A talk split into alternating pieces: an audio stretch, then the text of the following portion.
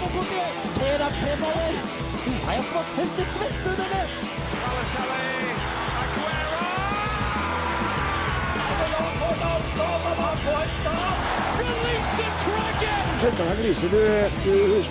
Herlighet for en gjeng med klovner! Klovner! Du hører på reservebenken på Radio Revolt. Og kalenderen viser 24. september. Um, Jon Arne Riis har bursdag i dag. Er det bra eller dårlig, Janni? Nei, at det er bra. Det er jo alltid artig å ha bursdag, til og med for Jon Arne Riise. Tror du hans bursdagskake overgår det greiene vi får? Jeg tror han har uh, iallfall fire etasjer med kake. Sånn kransekakeopplegg? Ja, jeg tror det. Bryllupsstyle, tenker jeg han gjør. Hva skal vi snakke om i dag, Camilla? Jo, vi skal ha litt eh, aktualitet om eh, dagens eh, relevante debatt mellom eh, Hangeland Bjørgen og, og eh, Kaggestad, blant Ja. annet. Vi skal se litt på eh, dyrkinga av eh, enkeltutøvere. Vi skal så klart litt innom sykling. Jonas står jo og, og ivrer og følger med på det under sendinga her. Vi har sett på alternative behandlingsmetoder innenfor idretten, og vi skal til Janis fylke, kan vi si det sånn. Han har funnet enda en låt fra en kassett. Enda en låt fra kassett. Og vi skal få høre Åge Hareide sine sang, eh, sangferdigheter. Det, det blir, har vi hatt Hareide i to sendinger. Det blir kjempebra. Du hører på reservebenken. Her får du Blond med I Loved You. Jeg heter Arne Skeie. Nå hører dere på reservebenken på Radio Revolt. Og hva har vi gjort eh, den siste uka? Vi kan starte med en uh, Jani ytre høyre for meg. Hva, hva har Hva som har skjedd? eh, Veldig mye som har skjedd. Jeg har vært uh, forkjøla for eh, siste uka, før, eh, mellom sendingene. Og den har gått over nå, iallfall litt sånn halvveis. Og jeg har jobba litt i helga, og ikke minst så spilte vi kamp på fredag, noen av oss. Ja, vi, Ja. vi, var, vi var ekstremt gode, Vi var ekstremt eh, gode. vil jeg påstå. Eh, kanskje fordi at eh, motstanderlaget var Det var tre eller fire stykker. Mm, og fordi jeg hadde røde sokker. Ja, du hadde røde sokker. Eh, De ikke hadde fotballsko. De hadde ikke. Jane hadde nye keeperhansker. Ja, hadde nye keeperhansker. Eh, vant, vant vi? Vi vant, eh, men det hindra ikke et, eh, et lite baklengsmål mot oss. da. Det var seks igjen. Ja, Det ikke sånn. verst. Ikke verst. Men det er jo veldig godt gjort. Og veldig, det er litt som det der med å være bre- skade seg på sommeren i for offseason. Det å være syk mellom to radiosendinger og prestere å bli frisk igjen. Så det er applaus for akkurat det, syns jeg. Ja, altså, du hadde etterdønninger, sa du. Etterdønninga. Det vil si at det er fortsatt ikke all, fortsatt ikke all den der eh, jævelskapen har forlatt kroppen riktig ennå. Den henger litt igjen, men jeg, er- er positiv og er ved god form. Ja, Vi kan si at det er i hvert fall et par måneder til neste kamp. Camilla, har det skjedd noe siste uka? Altså, Det har ikke skjedd så mye spennende, men uh, litt sånn kjedelige ting for meg. da. Jeg har uh, blant annet nesten svidd av meg låret med en uh, krølltang, så det brennmerket oppover hele låret her nå. prøvde ikke å krølle håra der oppe? Jo, det, det har jeg prøvd på. Ja, det det, ja. Hvordan, klarte du det? Nei, jeg skulle nå egentlig krølle håret på hodet, da. Men, men jeg greide å ta den nedover og glapp taket inn, så den uh, sned låret, og det var ikke så deilig. Eh, jeg kjenner ei som skulle stryke uh, Stryke skjorte, tror jeg, på 17. mai. Strøken med? Uh, Oi, oi, oi! og så hadde hun satt på strykejernet, og så satt det liksom på det brettet. Og så bøyde hun seg ned for å skulle plukke opp et eller annet, og så rista hun seg opp, og så svi Hun strøk øret. Men, hun- og gjorde det ikke mye, Helt flatt ut. Sånn som uh, sånn cagefightere, sånn som Blomokal-ører. De kunne kanskje prøve det. hun gjorde så mye vilje, sånn som han fyren i topp tre for et par uker tilbake, som måtte sette uh, strykejernet mot kinnet. For å kjenne om det var Det var varmt. varmt. Ja. uh, sist uke, Jonas, hva har du gjort? Siste uke så har jeg tapt i sjakk. Uh, veldig, veldig dårlig. Men før det så var jeg på besøk hjemme i Hønefoss og feira bursdagen til lillebror. Han ble 20 år, han er ikke så liten lenger. Men poenget var da jeg fløy hjem til, eller tilbake til Trondheim på mandag uh, nå som var, så satt jeg på samme fly som Rosenborg-gutta. Og jeg tenkte først ja verden kom ikke de fra Haugesund? Så det er tydelig at du må fly til Oslo og så til Værnes. Du kan ikke fly direkte. Poenget var at um, jeg satt uh, rett bortenfor Morten Gams Pedersen på Pizza Hut på Gardermoen. Og så sto de på samme gate som meg etter hvert, og det var noen triste gutter. Ja, altså, De var vel ikke så fornøyd, eh, rett og slett. for De tapte jo òg mot Haugesund. Ja, Og det hjalp ikke at uh, de på samme fly som meg ikke fikk bagasjen sin. Å, så synd. Ja, Med det vilje, var- tror jeg. Ja, altså det må være en sammensvergelse for, uh, mot uh, Rosenborg. Men du, de tar fly. De har tapt. Uh, ditt kjære Hønefoss spilte mot Ranheim. Eh, ja, det var, var det 4-1 det ble, eller noe? Tapt 4-1, ja. ja. Det var triste greier. Eh, Kjører de privatbiler? Eller? Eh, jeg tror de lurer på å ta tog. Men du, hvis, du, hvis, du, hvis du ser på at du skulle basere hjemreise på resultatet du har hatt på bortekampene eh, Du taper 2-1, kanskje du får fly. Hvis du taper 10-0, hva må du gjøre da? Må du haike? Eh, da får du ikke komme hjem igjen. da er du bannlyst. Du du får bare surre til neste kamp. Uh, For min del så har jeg gjort uh, egentlig ganske lite. Jeg har spilt kamp i går. Vi tapte 3-2. Eh, og så man er like sur uansett om man spiller Om det er tippeliga eller Adecco. Jeg spiller jo i sjette divisjon. Det er fortsatt jævlig surt å tape kamper. Du har jo skrytt til meg tidligere Rolf Martin, at eh, du leder eh, deres avdeling i gule kort. Eh, Ja. Er det fortsatt tilfellet? Ja. Fikk du et i går? Nei. Oi! For at uh, dommeren hadde ikke med seg kort. Oi, ja, ok, Så han sa at du skulle fått, men jeg hadde ikke med? Eh, nei, altså jeg har sju gule på elleve kamper, Hvor tror mye jeg. karantene har du så nå? Eh, nok til at det er rekord, i hvert fall. Ok. Eh, så jeg skal bruke vinteren på å komme meg i form, så slipper jeg det tullet der, rett og slett.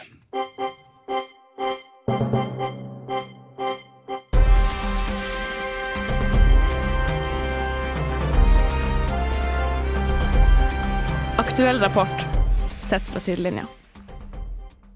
Vi skal ta for oss en liten debatt eh, som har pågått siste uka her nå i reservebenken. Det er ikke akkurat en direkte ny debatt, men den har vært veldig mye i søkelyset i siste. Og det er bl.a. Marit Bjørgen og Brede Hangeland som har gått ut i media og snakka om at eh, ja, annet at de er kanskje litt imot den der eh, private aktørene som setter seg inn på markedet innenfor idretten. og de de vil ha søkelyset tilbake litt mer mot eh, breddeidretten og litt mot fokuset på fellesskapet og sånn som er innenfor det samfunnsperspektivet innenfor norsk idrett. Kan det her ha noe med at du dyrker enkeltutøverne i større grad? De får mer makt. Eh, Se på Northug som hadde sitt eget team, blant annet. Mm, absolutt. Det, de går veldig ut for at hvis du, hvis du setter inn for private aktører, så kan det ende med at ja, det er enerne som går opp eh, før alle andre, og det ender med at de får for mye fokus. og at det godt kan skape en del egotister innenfor norsk idretten. Men her snakker vi jo da om utøvere som eh, også driver med lagidrett.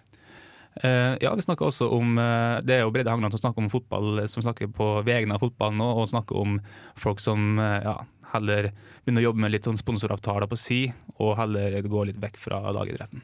Altså, Jeg vil kanskje ikke si at langrenn er en lagidrett. eh, Det er jo mest snakk om forhold til treningsarbeid og sånn. Det, Det er et landslag.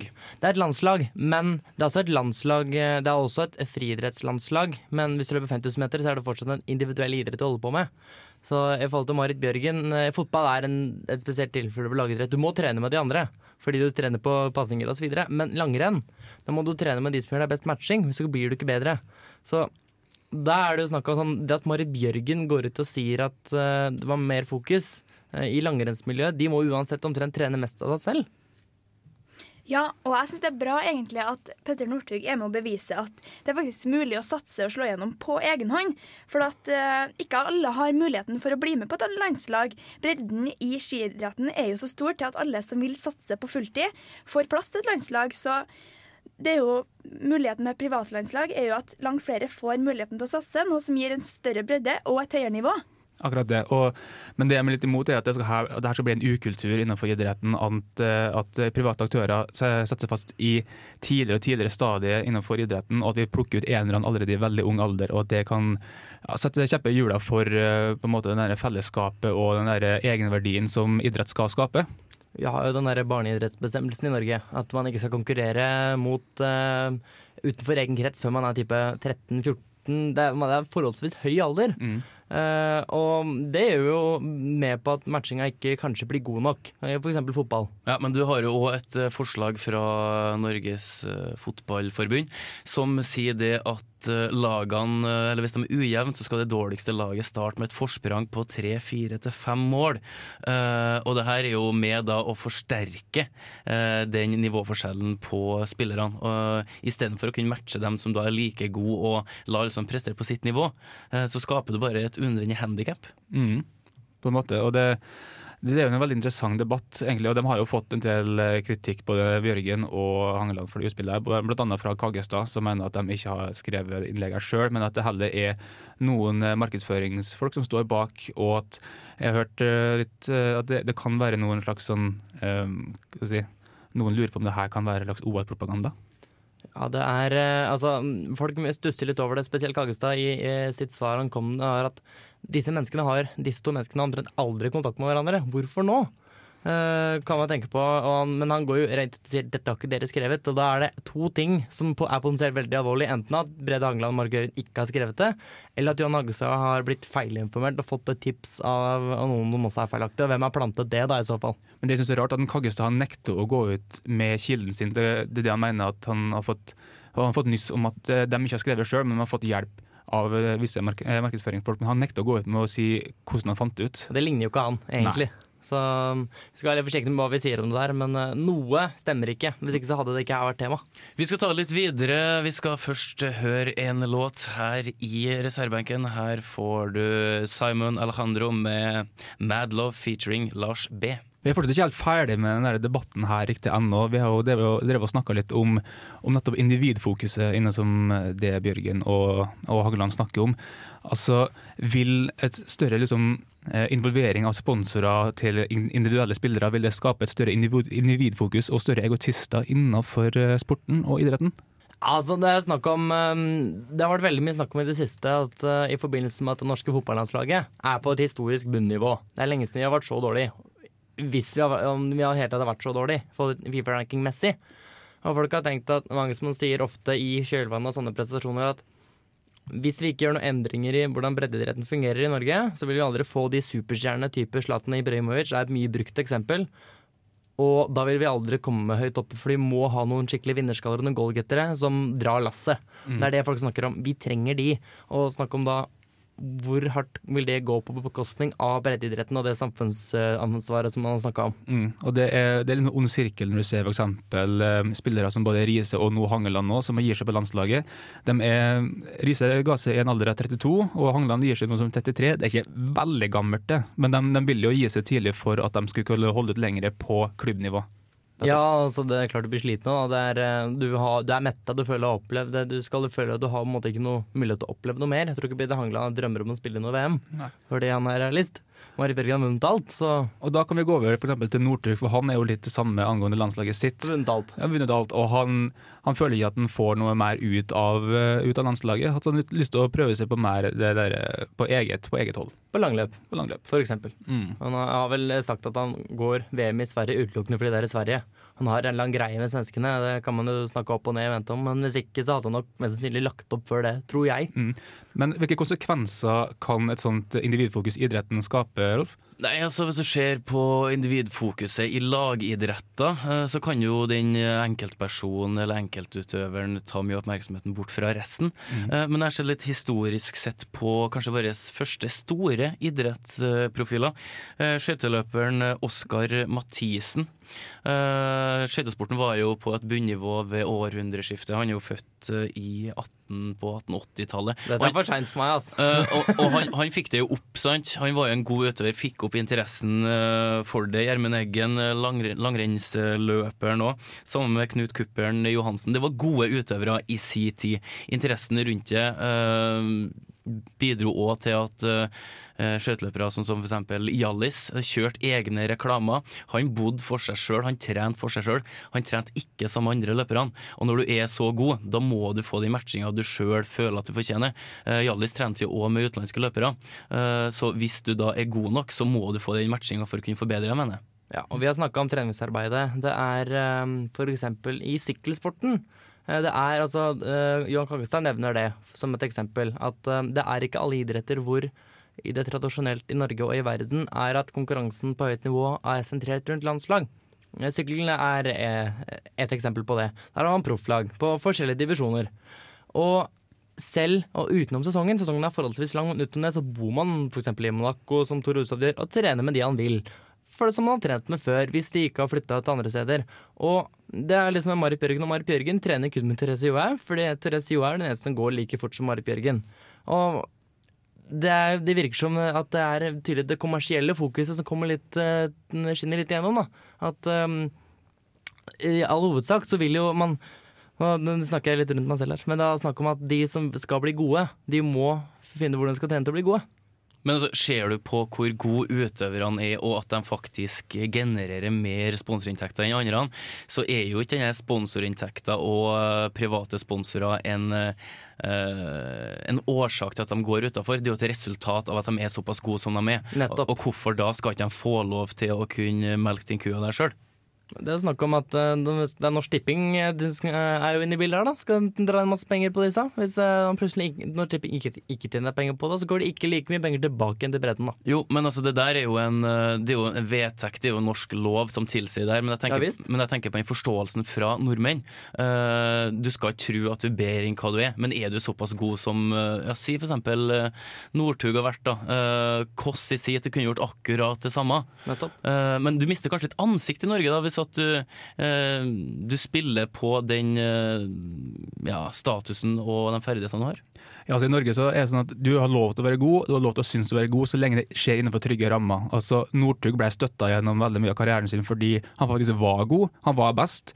Og da, og da har han lov til å gå ut og si at han er best, men det er liksom når han begynner å tape og han, han nekter å stille på intervju, f.eks., da begynte folk å få litt avsmak for han, for det var ikke skikkelig sånn idrettsånd som de var ute etter. Ja, men så Den avsmaken som kommer rundt Northug, har jo rett og slett vært mye basert på at han gikk ut, han fikk de pengene han fortjente, men han misbrukte kanskje eh, den muligheten òg. I og med at han leverte dårligere, har han levert bra, så er det veldig få som har stilt spørsmålstegn ved det, for de tenkte her er det beste for norsk skisport. Altså, da skal man ikke trekke inn, forsiktig med å trekke inn det at Northug hadde dårlige resultater da han var sjuk. Uh, man veit ikke om det var relatert til at han gikk til Coop. Nei, nei, men du vet jo at uh, veldig mange idrettsfans da, de er historieløse. De ser kun Ja. tilbake det, til det siste løpet. Selvfølgelig. Men Northug valgte også å gå ut av landslaget fordi han var misfornøyd med opplegget deres gjennom eh, sesongen. Han ville planlegge mer sjøl, noe som uten tvil kunne være bra for hans egen satsing. Og hvorfor, hvis det skal gjøre han til å lykkes bedre, hvorfor skal ikke det være lov? På landslaget har de det samme opplegget hvert år. De starter sesongen med å dratt på høsten til Valsenales. Videre er det Beitostølen og det videre regimet som følger. På et privatlag har du muligheten til å tenke litt nytt og dra akkurat hvor du vil, hvor du kan matche deg mot andre utenlandske løpere.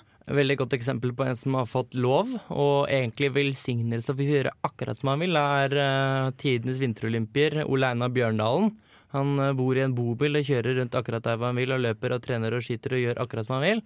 Eh, Og det har han gjort i 15 år. Eh, Han har sagt han var en pioner for 15 år siden, sa at jeg skal gjøre, sånn skal jeg gjøre det, tror jeg. Det har funka. Han har vunnet nesten 100 løp. Men det er tydelig at no, det er ikke greit for Northug. Nei, altså, Det syns jeg blir litt dobbeltmoral. Jo, men det går jo på trynefaktor. Sant? Det, går, det går jo på hvordan du eh, rett og slett fremstiller deg sjøl, om media tar din rolle, eller om det går mot deg. Eh, Bjørndalen kjøpte jo sitt eget høydehus, som han fikk bruke i tre dager. Hvis du har sett dokumentaren om Bjørndalen, han kjøpte et høydehus som han skulle sette på, på låven eller et trykkammer. Eh, han kjøpte det, eh, fire dager etterpå så ble det forbudt. så du skal ha lov til å prøve ting, men du skal ikke stikke hodet fram og si at jeg er god. Du må gjerne bare vise det gjennom resultat. Mm. Men du sier også at hvordan, hvordan medier behandler den personen her og der. Og det som er, det som er viktig å ta med, liksom det både Bjørgen og Hangland snakker om, at individfokuset kan sørge for at det blir mer fokus på selve idretts, idrettsutøveren enn selve idretten. Og um, hvem skal vi klandre for at eh, noe sånt skjer? Er det, på en måte, er det idretten og, og sponsorene involvert, eller er det media? Nei, altså Vi har jo holdning her i Norge som tilsier at eh, det er fellesskapet som står sterkest. Eh, Vi har nesten ikke plass til å ha enkeltutøvere i lagidretter som skal få lov til å prestere. Eh, Sånn virker det på meg i hvert fall. Bare vært stafett, så det har vært kjempefint. Ja, ja, det det er akkurat det. Nå har vi diskutert det her i det lange og breie og vide og høye og det lave. Du hører på reservebenken. Her får du Cold War Kids med First. Altså, det er jo veldig mye oppmerksomhet rundt mesterskap i de ordinære idrettene, som fotball, håndball, ski osv. Men eh, det er jo egentlig like artig med alle de her sære mesterskapene som arrangeres rundt om i verden. Og jeg har funnet ut at folk rundt omkring i Trondheims gater har de utroligste talentene som de sjøl kunne ha tenkt seg å deltatt i et mesterskap med.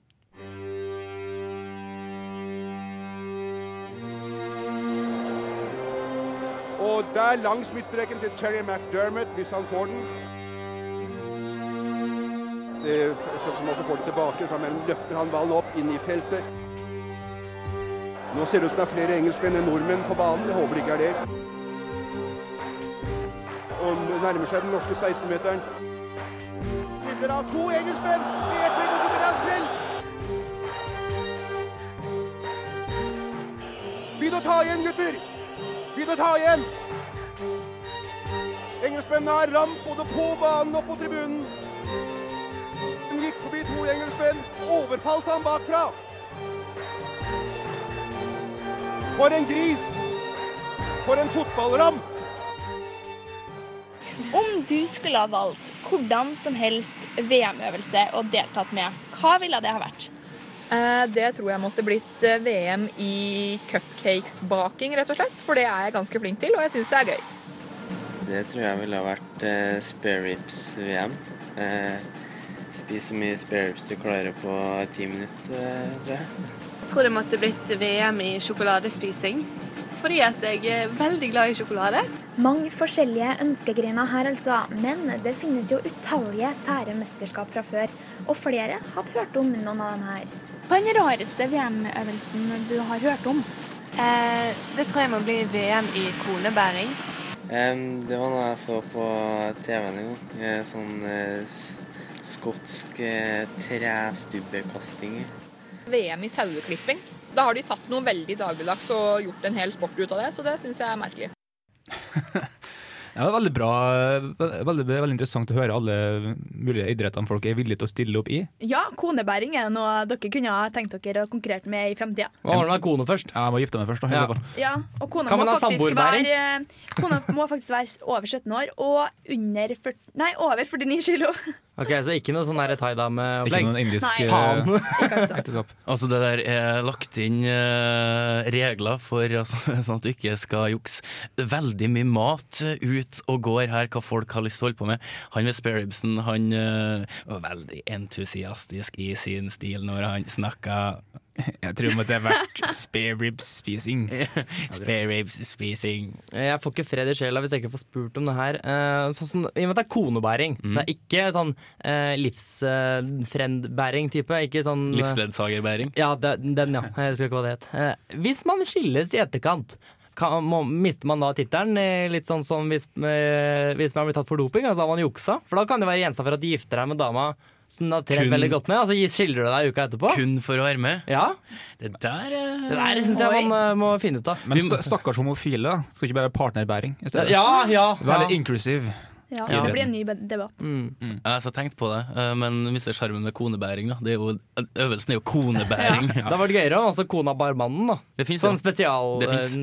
eh. Det det? Ja, det det. det kan jeg være med. Uh, hvis vi skulle ha vært med i en øvelse, Annie, skulle du ha det spare rib spacing, du òg? Nei, jeg tror faktisk eh, hvis man velger noe, sånn, noe som har litt sportslig i seg fra før, så tror jeg det må være VM i å kaste ting, spesielt fotballdrakta mi, etter et tap. Så du kaster fotballdrakt etter et tap? Eh, ja, jeg tar den på meg etterpå, men jeg må bare kaste den i et sinne. Å ja, det er sånn ritual? Ja, på en måte. Det, det, det gir meg fall muligheten til å, til å cope litt med virkeligheten som jeg lever i. Utløp for frustrasjon med å kaste et tøystykke. Akkurat det. Det er bedre det, er bedre det enn å begynne å slå ned folk. Men altså, hvordan skal man Skal du måle hvor langt du kaster drakta, eller hardt du kaster den, eller skal du kaste på et mål, eller? Eh, både i lengde og i grasiøsitet når du gjør det. Hvordan Ah, stil. Få stilpoeng. Ja. Hvordan, er- hvordan er teknikken når du gjør det? Overarmskast det er jeg veldig fan av, og jeg tror jeg kan stå sterkt i et eh, ja, et kaste ting-VM. Ja, kaste ting-VM. Uh, ville du hatt en øvelse i kaste ting-VM, Jonas? Nei, Jeg vet ikke. Ja, det har vært litt kult å VM i sånn eh, papirbasket. Altså man skal kaste papirballer i Ja. søppelkassa. Ja. Det er gøy. Det følte jeg, Da kunne jeg trent litt uh, Trent mye hver dag. Samtidig mens jeg holdt på med studier og alt annet. Altså, det var jo en veldig sånn uh, Veldig streit ting, da. ja, stillesittende ting dere på med. Jeg kunne tenkt meg å ha en øvelse som består at du skal springe rundt ei kjegle 20 ganger. Men så må handa oppå kjegla rundt og rundt og rundt, og så skal du skyte, og så har du en keeper. Eh, så skal, skal du se hvor mange, eh, hvor mange mål du skårer. Jeg hadde spilt fotball med en, han ble aldri svimmel. det er helt håpløst! Aldri svimmel. Eller så var han bare best når han var kjempesvimmel og skåra. Han skåra hver gang. Jeg så jo på VM-finalen i skeet her om dagen. Ikke spør om hvorfor jeg gjorde det, men det er da lærdueskyting. Mm. Var så gøy å kombinere det med å løpe rundt. i- Det blir spennende. Det blir spennende. Oi, oi, nei, det var ikke noe slags Nei, det var, det var gøy. Uh, hva ville det vært med, Camilla? Du, jeg tror det hadde vært en ener i VM i fartsdumpekjøring. For at oh, ja. eh, Er oppover mot der jeg bor, så er det så mange fartsdumper. De er så svære. Så man må på en måte være, lære seg å kjøre over dem her, da. Så du må liksom slakke den ned mot, eh, mot fartstoppen. Akkurat når du er på toppen, så trykker du til gassen, og da bare flyter du den, og så er du klar til neste hump. Så bare, ja. Så da har vi liksom forskjellige klasser med forskjellige størrelser på fartsdumpene og i fart. ja, det er jo mange pinglefartsdumper ellers i Trondheim. Blir det egentlig sånn variant av sprangridning, da? Bare med bil? Ja, ikke sant? Ja, det blir det. det, blir det. Men du kunne hatt andre øvelser. da. Hvor, hvor fort kan de kjøre over en fartsdump? Hvor langt klarer du å hoppe? Og hvor har store materielle skader eh, blir det på bilen? Da, da har du sånn, kan du vekte av sånn stilpoenglignende. Ja. hvor, hvor stor sjanse kan man ta? Eller hvor full kan du være for ikke å ta autovernet på Byåsen? Hvor full kan man være? Nå. Så da, kjenner du noen? Ja. Nei, ja, vi, ok, ja, vi har den. Ja, ok, nå, nå tok jeg den. Jeg skjønte ikke, med en gang. Un, under 1,65 i hvert fall må det være. Ja. Ja, og, og et visst antall OL-gull.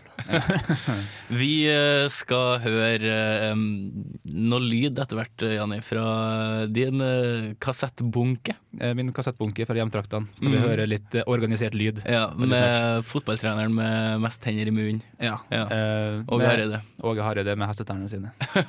Vi får bare eh, snurre lyd etter hvert.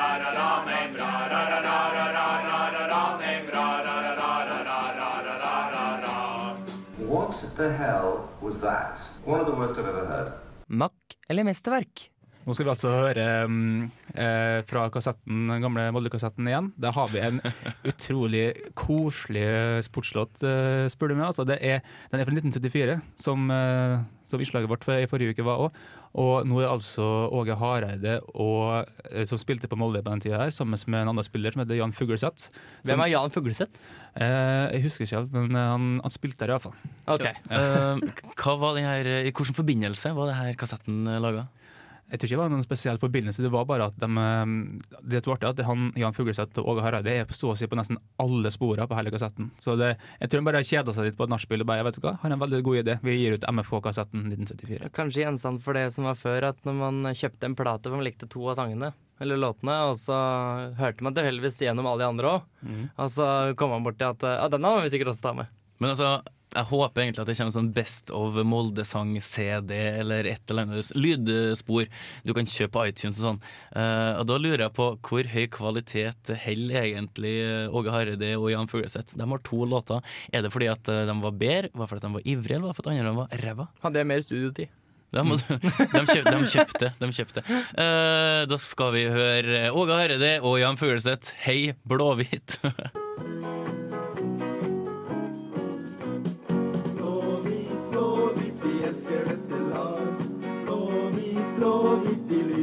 for dag. og hvit med jubel opp mot sky. Vi elsker dette laget fra Molde by. Når gutta våre i Molde tar plass på stadions gress. Vi greier ikke holde forventningsstore press. Vi spiller kan ja venner, vår gleden er stor. Så snørr og tårer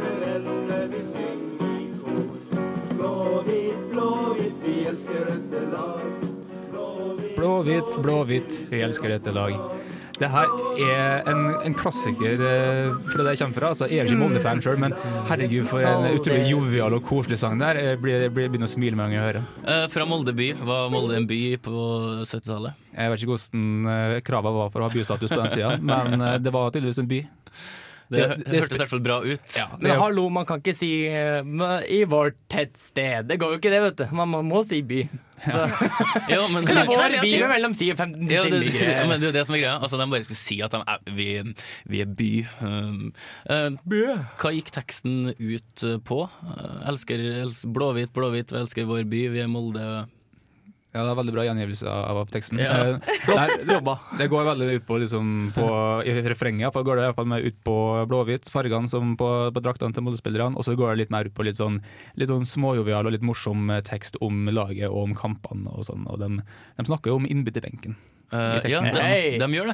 Eh, så har de uh, typisk sånn keyboard eh, playback-sak som står der. Sånn eh, pre-innspilt eh, Jeg melodi. har sånn. Casio, ja, så du bare trykker på en knapp, og så kommer det av seg sjøl. Ja, ja. Det, jeg tror det var det de, det de brukte. Tror du du spiller på én av, uh, en av tangentene, så får du i den akkorden. Mm. Da trenger du, ikke, trenger du bare å lese akkurat hvilken knapp du skal trykke på. Kjempefint. Men altså, det her var jo en gladlåt. Veldig glad låt. Det var fin. Mm. Uh, Jonas, hvor glad var låta fra en, uh, Fugleseth og Hareide? Uh, Det er litt, et lite antiklimaks for meg, fordi jeg ser for meg de to gutta i studio, og det ser ikke ut som de har det så veldig bra. Jeg tror de anstrengte seg veldig for å få til det her. Du- jeg, en eller annen grunn, Det er mulig jeg tar veldig feil her, men jeg, jeg har noen bilder i huet mitt som gjør at det, det blir litt feil. Du, altså, Av en eller annen grunn. du, jeg ser for meg sånn her um, hummeltreningsdress med noe, med noe joggesko som er knytt veldig stramt, og um, Det måtte vært mer banjo. Skulle vært en skikkelig blitt. Du skal, du Og skal ha trekkspill. banjo. Banjo og keyboard. Og banjo, trekkspill og keyboard. Eller Uh, shit. munnspill, som forrige uke. Det var jo oh, det var fint. Ja, det hadde gjort seg nå. Men Hareide og banjo tror jeg er dårlig, Hareide. dårlig kombo. Ja. Um, terningen kastes. Terningen kastes øh, og lander med tre øyne opp.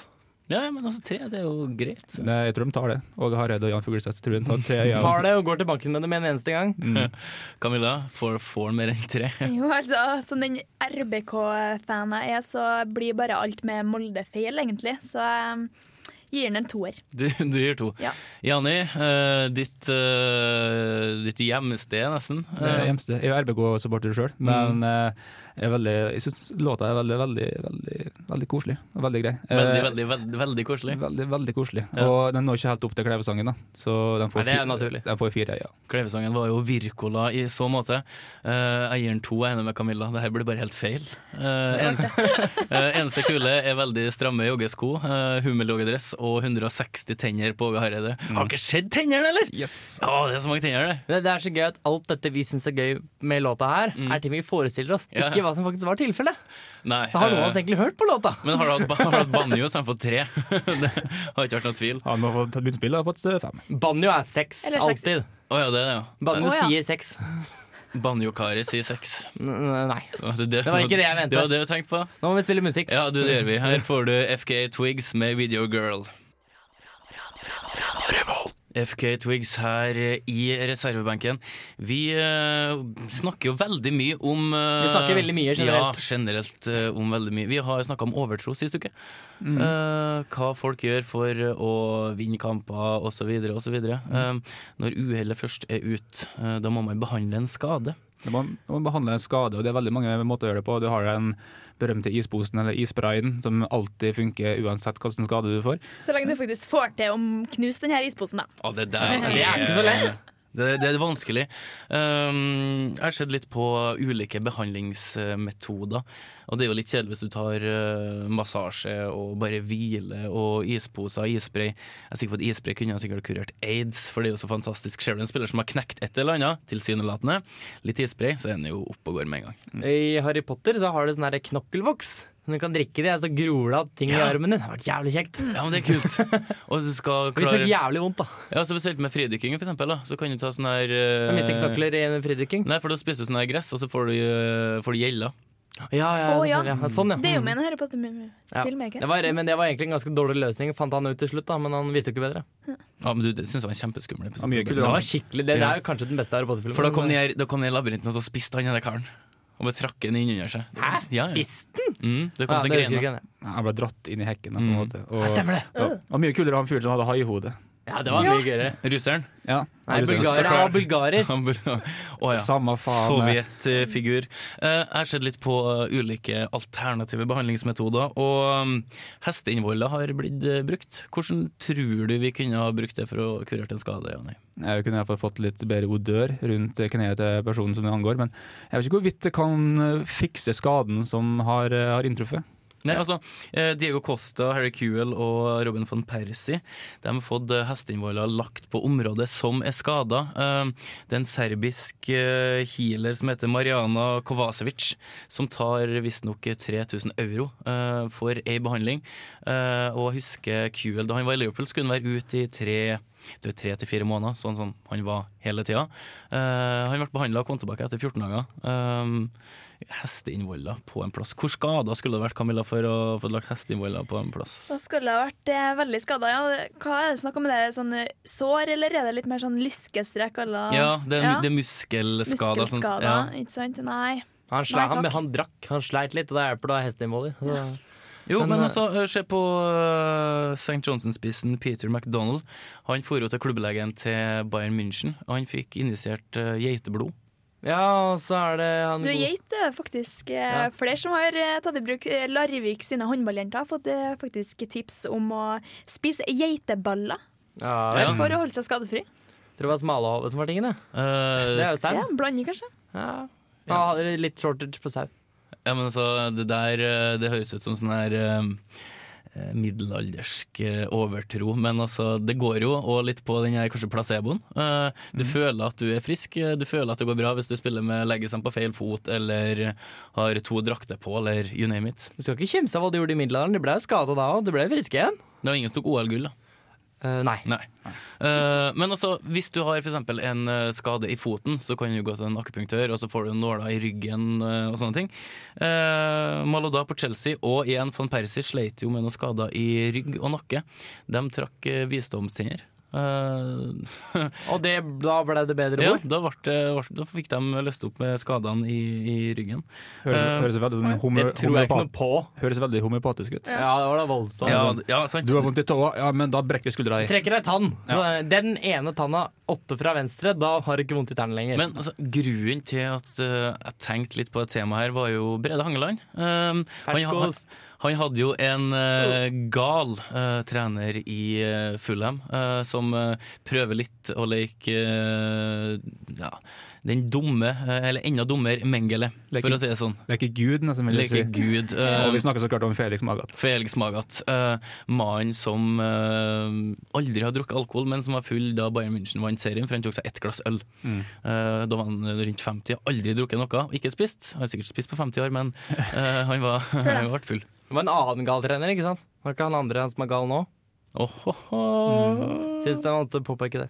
Men uh, Hangeland hadde en uh, muskelskade. Uh, Magath gikk til fysioterapeuten som har vært i klubben i mange år. Mm. Så sa han det at uh, hvordan skal vi behandle den her? Eh, og så kom han jo med noe da, fagtermer og behandlingsmetoder, men Magath syntes det var dumt. Og det her teller ikke, for Magath kan alt. Så han sendte fysioen eller klubblegen til Tesco eh, Mm. for å kjøpe ost. ost. Og osten den dynka han i alkohol, som han la på låret til Hangeland. Og det, det hjalp? Eh, ja, det hjalp, for at nå er både klubblegen, Hangeland og Magat ut av klubben. Yes. det, er ingen, det er ingen som, eh, som er igjen. Eh, men jeg bare hopp litt over til et annet sånn godt påfunn. og uh, tenker jo at du skal behandle en skade veldig fort, eh, du skal komme deg på beina igjen. Hvis de skal nå deg på telefon, og du har et litt vanskelig nummer, så kan du bruke navnet ditt, sånn som Frans Beckenbauer gjorde, til å skaffe deg et enkelt nummer. Um, han fikk nummeret eh, 0176, som er retningsnummeret der han bor i Tyskland, uh, med seks sekstall etterpå. Og det ble jo kringkasta. Mm. Så oh, eh, når folk skulle få tak i den, så ringte de den gjerne om natta. Og da det Begeret rant over. I natta var en full kar som uh, mente at en Beckenbauer skulle klare å få tisa han litt. Um, så det enkle er ofte ikke akkurat det beste hele tida. Nei, akkurat der tar jeg meg tusen feil. Ja, jeg vil, tro det. I sykkelsporten, eller i sjakkens verden, Jonas, eh, har det vært noen alternative behandlingsmetoder? Eh, det er jeg ikke brått sikker på, men jeg veit om en som heter eh, Adam Hansen, som nylig vant en etappe i Spania rundt til vunnet i Italia. Blir spennende å følge VM på søndag. Han eh, lager sine egne sykkelsko oh. av krokodilleskinn. Yes! Så det kan man bare for Crockman. Men du, hvis du har lyst til å lage egen hjelm, kan du gjøre det? Ja, men tror jeg ikke har noe poeng, for du, du, de som lager best hjelmer, sponser eh, et eller annet sykkellag uansett. Men det er klart det gjør også sykkelskoprodusentene. Så det er klart, eh, ja, Hvis du finner ut at du skal lage en hjelm som passer bedre, eller som er lettere, eller noe, så får du nok lov til det etter hvert. Da kan du lage det av uh, saueballer, geiteballer. Du må ha hardt, må da. Hæ? Det må ha hardt. Jo, jo, men du polstrer det. polstrer det med eh, et eller annet.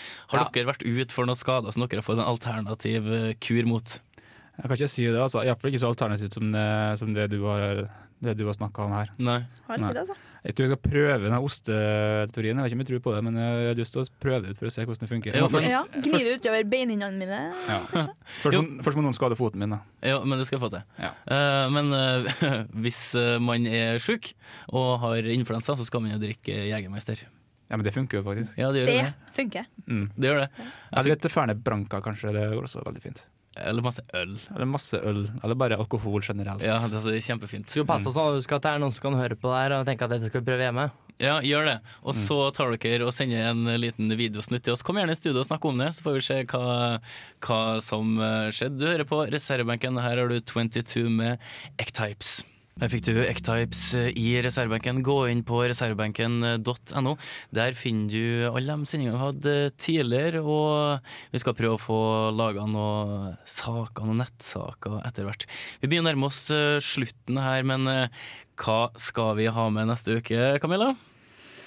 Ja, under stor tvil da, så har jeg blitt overtalt til å spille den her uh, Byåsen-låta som jeg har vært med på å utforme, eller kora, skikkelig kora, til Heia Byåsen, prydende tittel. Det er bare du som tviler på at vi skal ha den. Alle de andre er veldig sikre på at er skal være med. helt enig, vi. Ja, dere er tydeligvis klar. Ja, altså, jeg gleder meg vilt. Eh, Det er en eh, hjemmeproduksjon, eller er det, har dere vært i ordentlig studio? Eh, halvt om halvt. Det er treneren som har eh, hjemmestudio, da. så det er jo litt sånn- Hæ? Har du GarageBand?